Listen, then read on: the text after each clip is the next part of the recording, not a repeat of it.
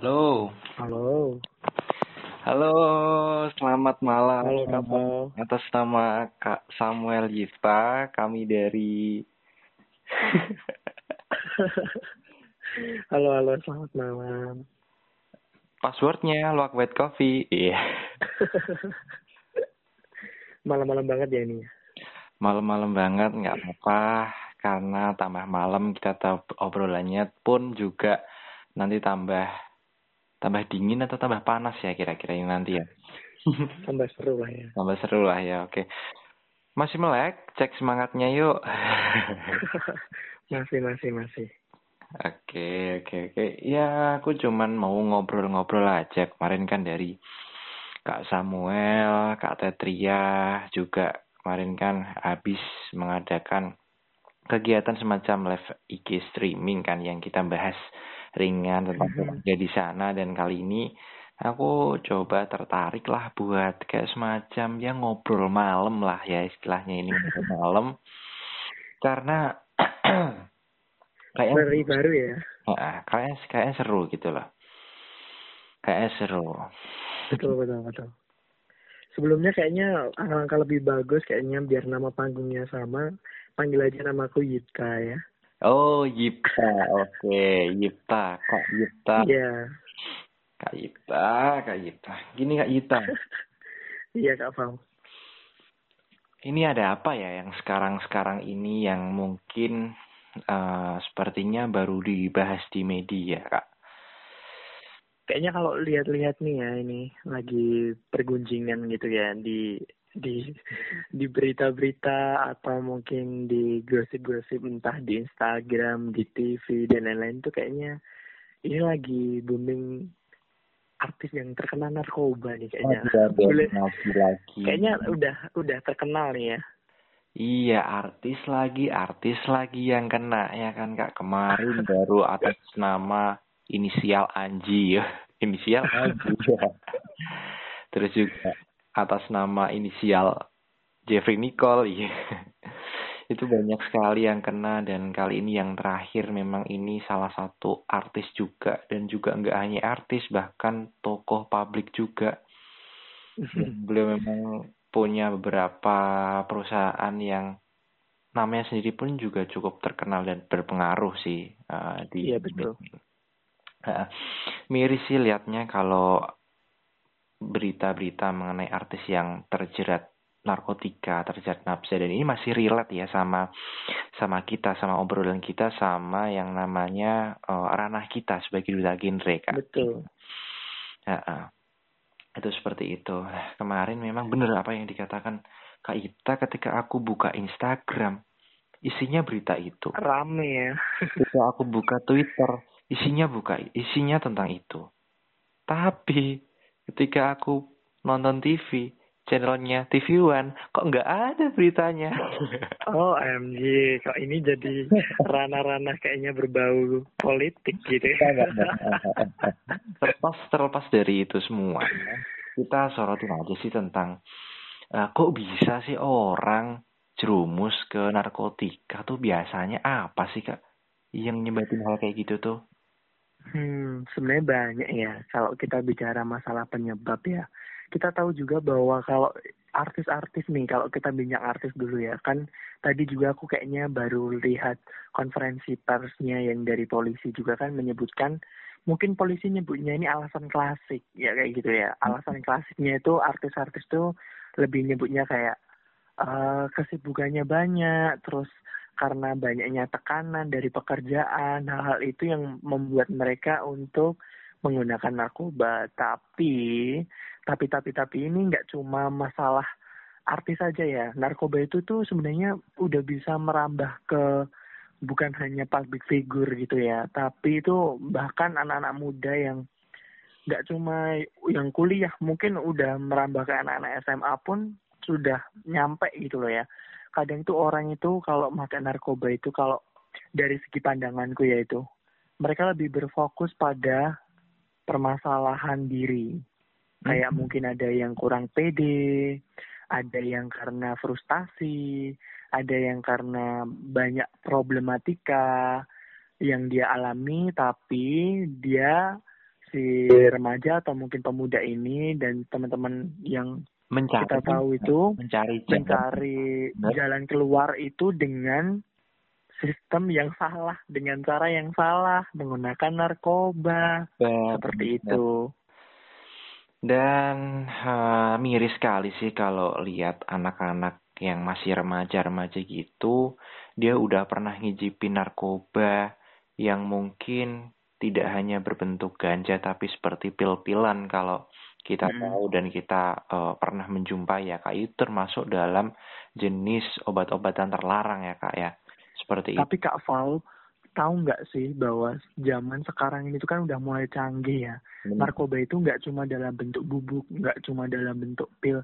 Kan hmm. pernah itu kayaknya baru-baru, bukan bukan ya bukan baru-baru lagi sih, bukan menjadi sebuah rahasia lagi bahwa narkoba itu sekarang itu peredarannya kan ada lewat permen, lewat jajanan-jajanan anak sekolah kayak gitu.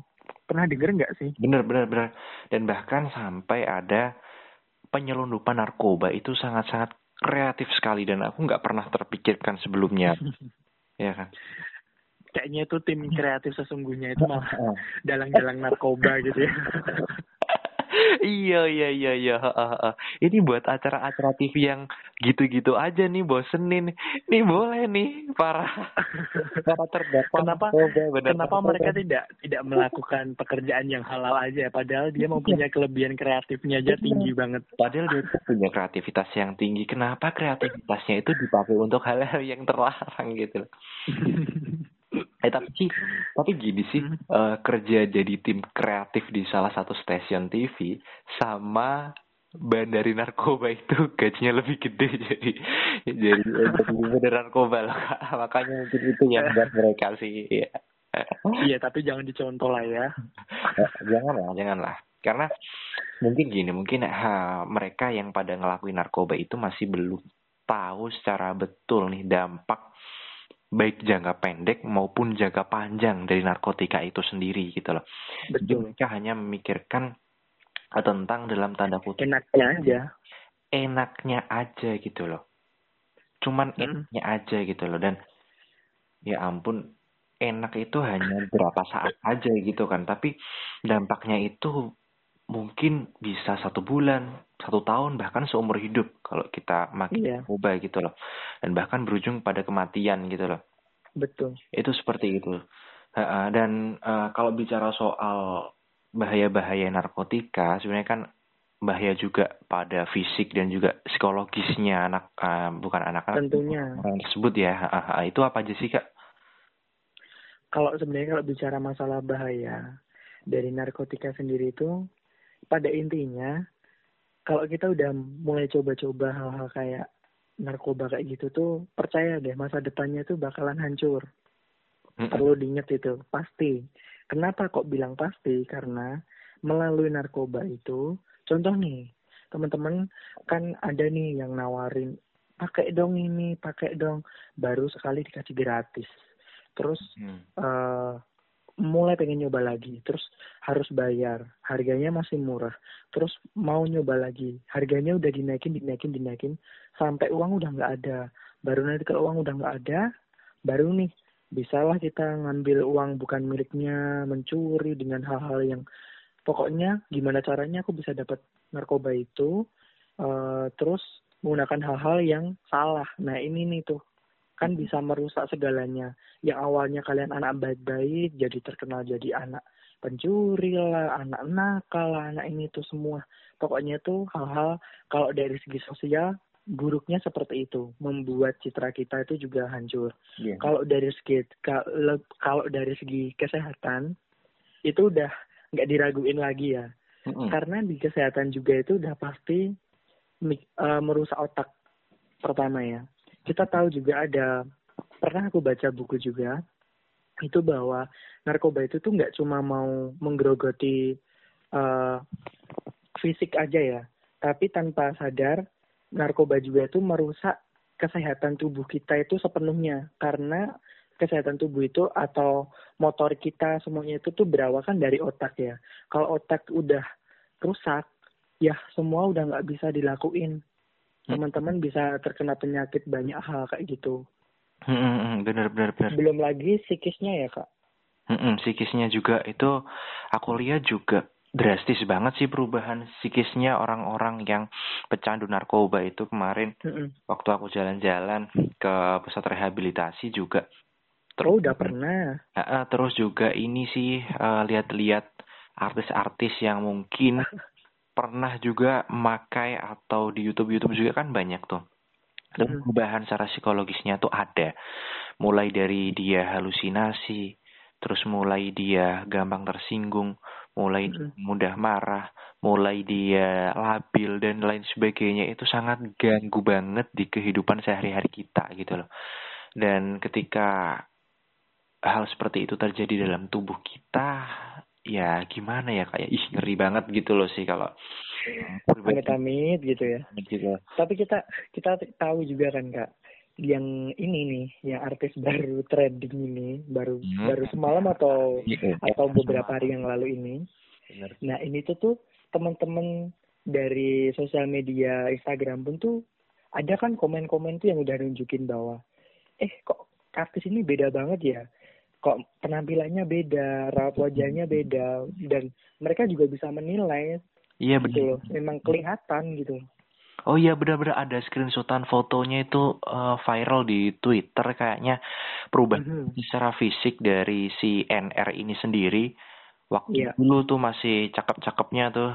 Terus eh, akhir-akhir bulan ini waktu ngendorse di storygramnya kalau nggak salah dia tuh kok kok sama yang kita lihat. kok, gini gitu loh kok oh mungkin diet sih aku aku dulu pernah pernah oh mungkin ini diet sih diet tapi dietnya Hmm. kebablasan sih jadi kayak gitu. Eh ternyata ya make. Ya emang kayak gitu ya kalau kita lihat ya sebenarnya harapan kita sih kalau kita bisa berharap namanya artis juga itu harusnya bisa menjadi contoh ya Mm-mm, buat teman-teman mm-mm. karena kita tahu juga artis itu kan sebagai ini ya sebagai kadang artis juga bisa dijadiin panutan sama penggemarnya sebagai contoh penggemarnya penggemarnya pada pengen nyontoh nah tapi kalau artisnya sendiri tidak memberi contoh yang baik Mm-mm. bagaimana nanti Indonesia ke depan terutama ini artis-artis Indonesia gitu ya Iya bener. Padahal kalau dipikir-pikir dihitung-hitung tuh sejak Hani 2021 Hari Anti Narkoba Hmm. Nasional sepertinya belum genap satu bulan deh. Tapi ada lagi nih artis yang juga terjerat gitu loh dan artis ini si NR sama si AB kemarin waktu diinterogasi sama polisi jawabnya itu mereka make karena stres gila.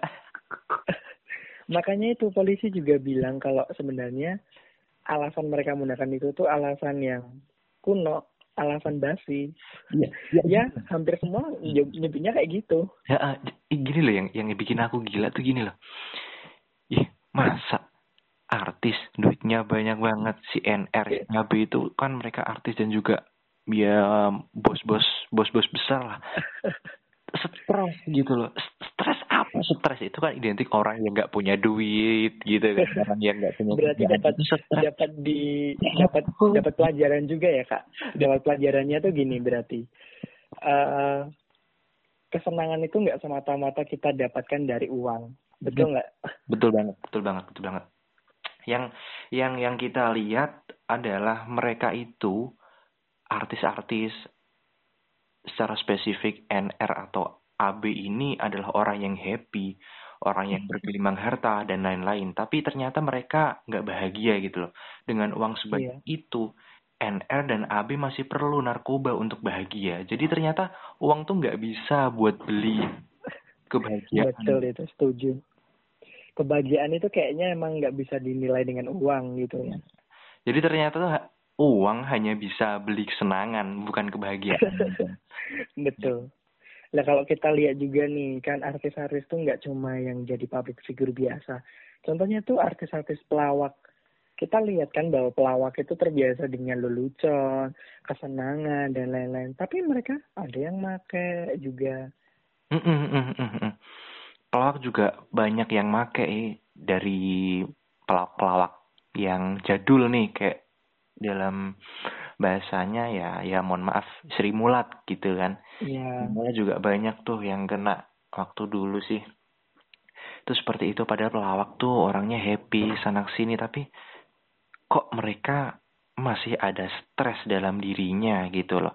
Dan cara menanggulangi stresnya pun sangat-sangat kampungan kalau menurutku gitu loh. Ya, yang ya, jadi persoalan ini tentang stres sih kak. Mungkin sih uh, artis mereka di luar sana itu menganggap bahwa stres obatnya ya memang pelariannya ke narkoba. Karena mereka punya akses uang yang banyak untuk beli narkoba ya mereka akhirnya beli gitu loh. Dan beruntung orang-orang seperti mungkin saya yang nggak tahu punya banyak uang ya. Nggak bisa mengakses narkoba itu udah nggak kenal narkoba gitu ya janganlah jangan sampai kenal jangan sampai kenal. Amit amit enggak lah enggak lah. Wah tips tips and trick deh kak biar biar uh, ini para pendengar podcast kita nih paham paham paham dan tahu gimana sih cup supaya bisa ngindari narkoba itu sendiri. Kalau dari aku sendiri ya yang pasti itu belajarlah teman-teman untuk bisa mencintai diri sendiri yang pertama karena lewat mencintai diri sendiri lebih lebih lagi nah itu tuh teman-teman itu nggak bakalan berpikir bahwa wah aku jelek aku ini aku ini. Kan banyak juga artis-artis nggak pakai nggak mereka pada pakai narkoba karena mereka minder mereka malu lah. Mungkin teman-teman bisa lebih lagi untuk mencintai diri sendiri atau self love ya. Terus yang kedua teman-teman bisa lihat nih dari pergaulan juga dari lingkungan. Teman-teman bisa pilah-pilah mana teman yang bagus. Apakah dia mengajak kita ke uh, suatu lingkungan yang lebih baik untuk menuju hal yang baik?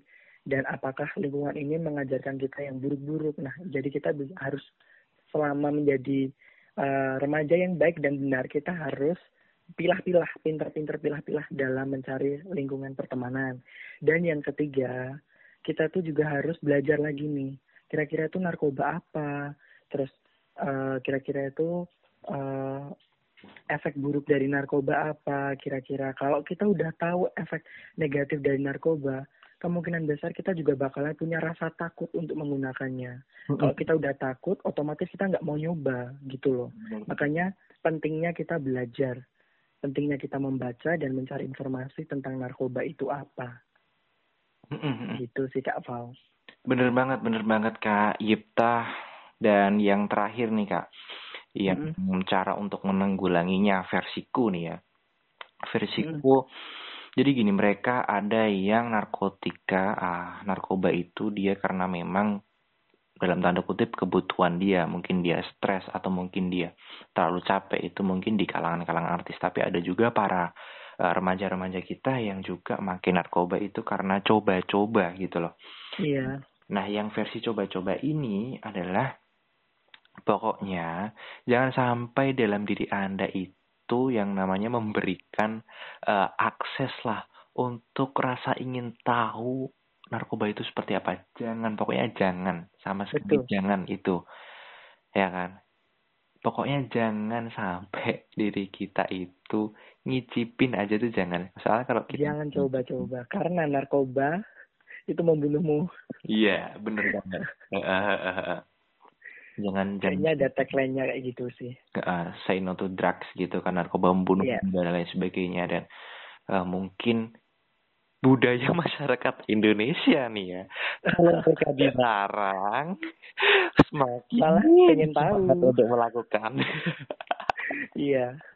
Tapi ini juga sebagai kita juga sebagai anak muda nah itu tuh juga harus paham juga paham betul. Kira-kira itu kalau kita itu pengen menjadi dampak bagi lingkungan kita pengen berdampak bagi keluarga juga bagi orang tua ya kita tuh harus mikirin apa yang kita lakuin itu harus dipikirin jauh-jauh kayak apakah aku melakukan hal kayak gini tuh nanti bakalan hancurin orang tuaku, hancurin masa depanku kayak gitu sih. Jadi jadi anak muda harus berpikir dengan cermat untuk pilah-pilah, jangan sampai coba-coba. Narkoba membunuhmu teman-teman. Ya. Bener banget dan banyak sekali hal-hal anak-anak muda nih ya yang bisa teman-teman lakukan ya untuk bagaimana kita nggak terjerumus pada narkoba nih. Banyak banget Mm-mm. ngapain sih kita untuk meredakan stres itu beralih ke narkoba? Padahal kan masih Iya. ada drakor. Kita kan bisa nonton drakor. Kita nggak apa-apa loh bucin drakor. Yang penting kita dari narkoba. Kalau menurutku gitu sih. Masih ada drakor. Iya. Ngapain kita narkoba ya kan? Masih ada boci. Ngapain kita narkoba ya kan? Mending candu boci daripada candu narkoba sih menurutku. Ini gitu. juga kak sedikit sedikit eh, ngebuka juga ya. Mungkin teman-teman juga kan kalau semisal selama pandemi nih, kalau bicara masalah pandemi nih ya.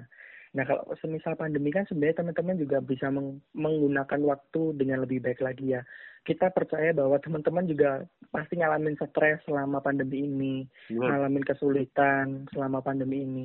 Tapi teman-teman jangan takut, banyak cara yang kita lakukan untuk kita itu bisa beraktivitas yang positif, teman-teman. Nah, kalau kita ini boleh ngobrol dikit tentang masalah genre ini nggak nih, Kak? Gue banget dong. Nah, kalau di genre juga kan, kita tuh ada teman-teman. Jadi tuh kita tuh ada ada forum biasanya di setiap kabupaten ada forum ya, Kak. Oh, Ada forum genrenya. Terus ada pick air kayak gitu juga. Mungkin teman-teman yang mau membuat kehidupannya atau aktivitasnya lebih bermanfaat lagi, mungkin teman-teman bisa salah satunya itu dengan ikut join ke salah satu pick air atau pick M. Kalau pick M itu ya di kampus ya, mm-mm. kayak gitu ya. Nah itu tuh teman-teman bisa ikutin kayak gitu kan bisa lebih bermanfaat bukan begitu Kak Val. Bener banget seperti apa yang dikatain Kak Yipta, beralihlah kepada kegiatan-kegiatan yang positif, di Positif. luar sana, di lingkungan teman-teman. Ketika di lingkungannya ada Big Air, ikutilah Big Air. Ketika masih belum Iya. ada Big Air, ikutilah organisasi-organisasi yang berbau positif tentunya. Betul. Gitu, organisasi-organisasi yang memberikan nuansa-nuansa positif dan bisa memberikan semangat kita, Iya. bisa memberikan pengembangan potensi diri kita dan lain sebagainya. Dan itu banyak banget loh, asalkan kita mau keluar untuk melihat nih, untuk membuka jendela bahwa ada loh ternyata tempat kita ya yang bisa memfasilitasi kita kepada pengembangan diri kita dan menjauhkan diri kita dari hal-hal seperti narkotika dan kejahatan-kejahatan atau persoalan-persoalan remaja di luar sana. Gitu. Betul banget. Ah, ah, jadi gitu Kak Ipta sih. Ah, sedikit lah ya, sedikit obrolan malam kita yang terpicu ya, terpicu dengan adanya artis yang viral, tokoh publik Gara-gara ya kan? berita nih ya. Gara-gara berita nih, soalnya memang meresahkan sekali ya Bun, Instagram, buka Instagram. Makanya itu. Ya harapannya semoga ke depan teman-teman itu bisa memilah-pilah ya mana mana ibaratnya ini ya public figure yang bisa kita contoh. Kan kita perlu pilah-pilah juga karena kan teman-teman kalau punya eh, mungkin teman-teman jadi fans gitu ya. Tapi teman-teman bisa ambil untuk hal baik dari public figure itu dan teman-teman bisa jauhkan hal buruk dari public figure itu Nah itu itu itu poinnya itu sih kak. Jadi boleh kita ngefans sama siapa pun itu boleh asalkan kita ya ngefans terhadap hal positif yang ada di beliau, bukan hal-hal Iya. negatif ada di beliau. Dan semoga semoga dan semoga selalu semoga di tahun 2021 ya semakin eh, berkurang angka-angka positif narkoba ya iya angka-angka Betul. positif narkoba juga berkurang baik di kalangan artis maupun di eh, kalangan-kalangan remaja. Positif COVID berkurang dan positif narkoba juga berkurang. Semoga gitu ya kak ya. amin amin amin Amin semoga gitu dan ya apresiasi lah bagi eh, para petugas, para BNN juga yang sudah eh, berhasil eh, menangkap juga para pengedar-pengedar dan juga biar jadi para sebuah pelajaran ya kak berarti ya Nah, yang masih jadi korban, segeralah kalian itu mau untuk speak up dan kalian itu jujur untuk mau direhabilitasi gitu aja sih. betul Ketika kalian Ya. korban, kalian merasa kalau waduh aku udah tergantung pada narkotika ya dan pasti dalam hati nurani kalian pasti masih berpikir kalau narkoba ini adalah hal yang negatif dan bakal ngerugiin. Nah, lebih baik kalian menyerahkan diri kepada lembaga-lembaga swadaya masyarakat atau kepolisian untuk minta direhabilitasi.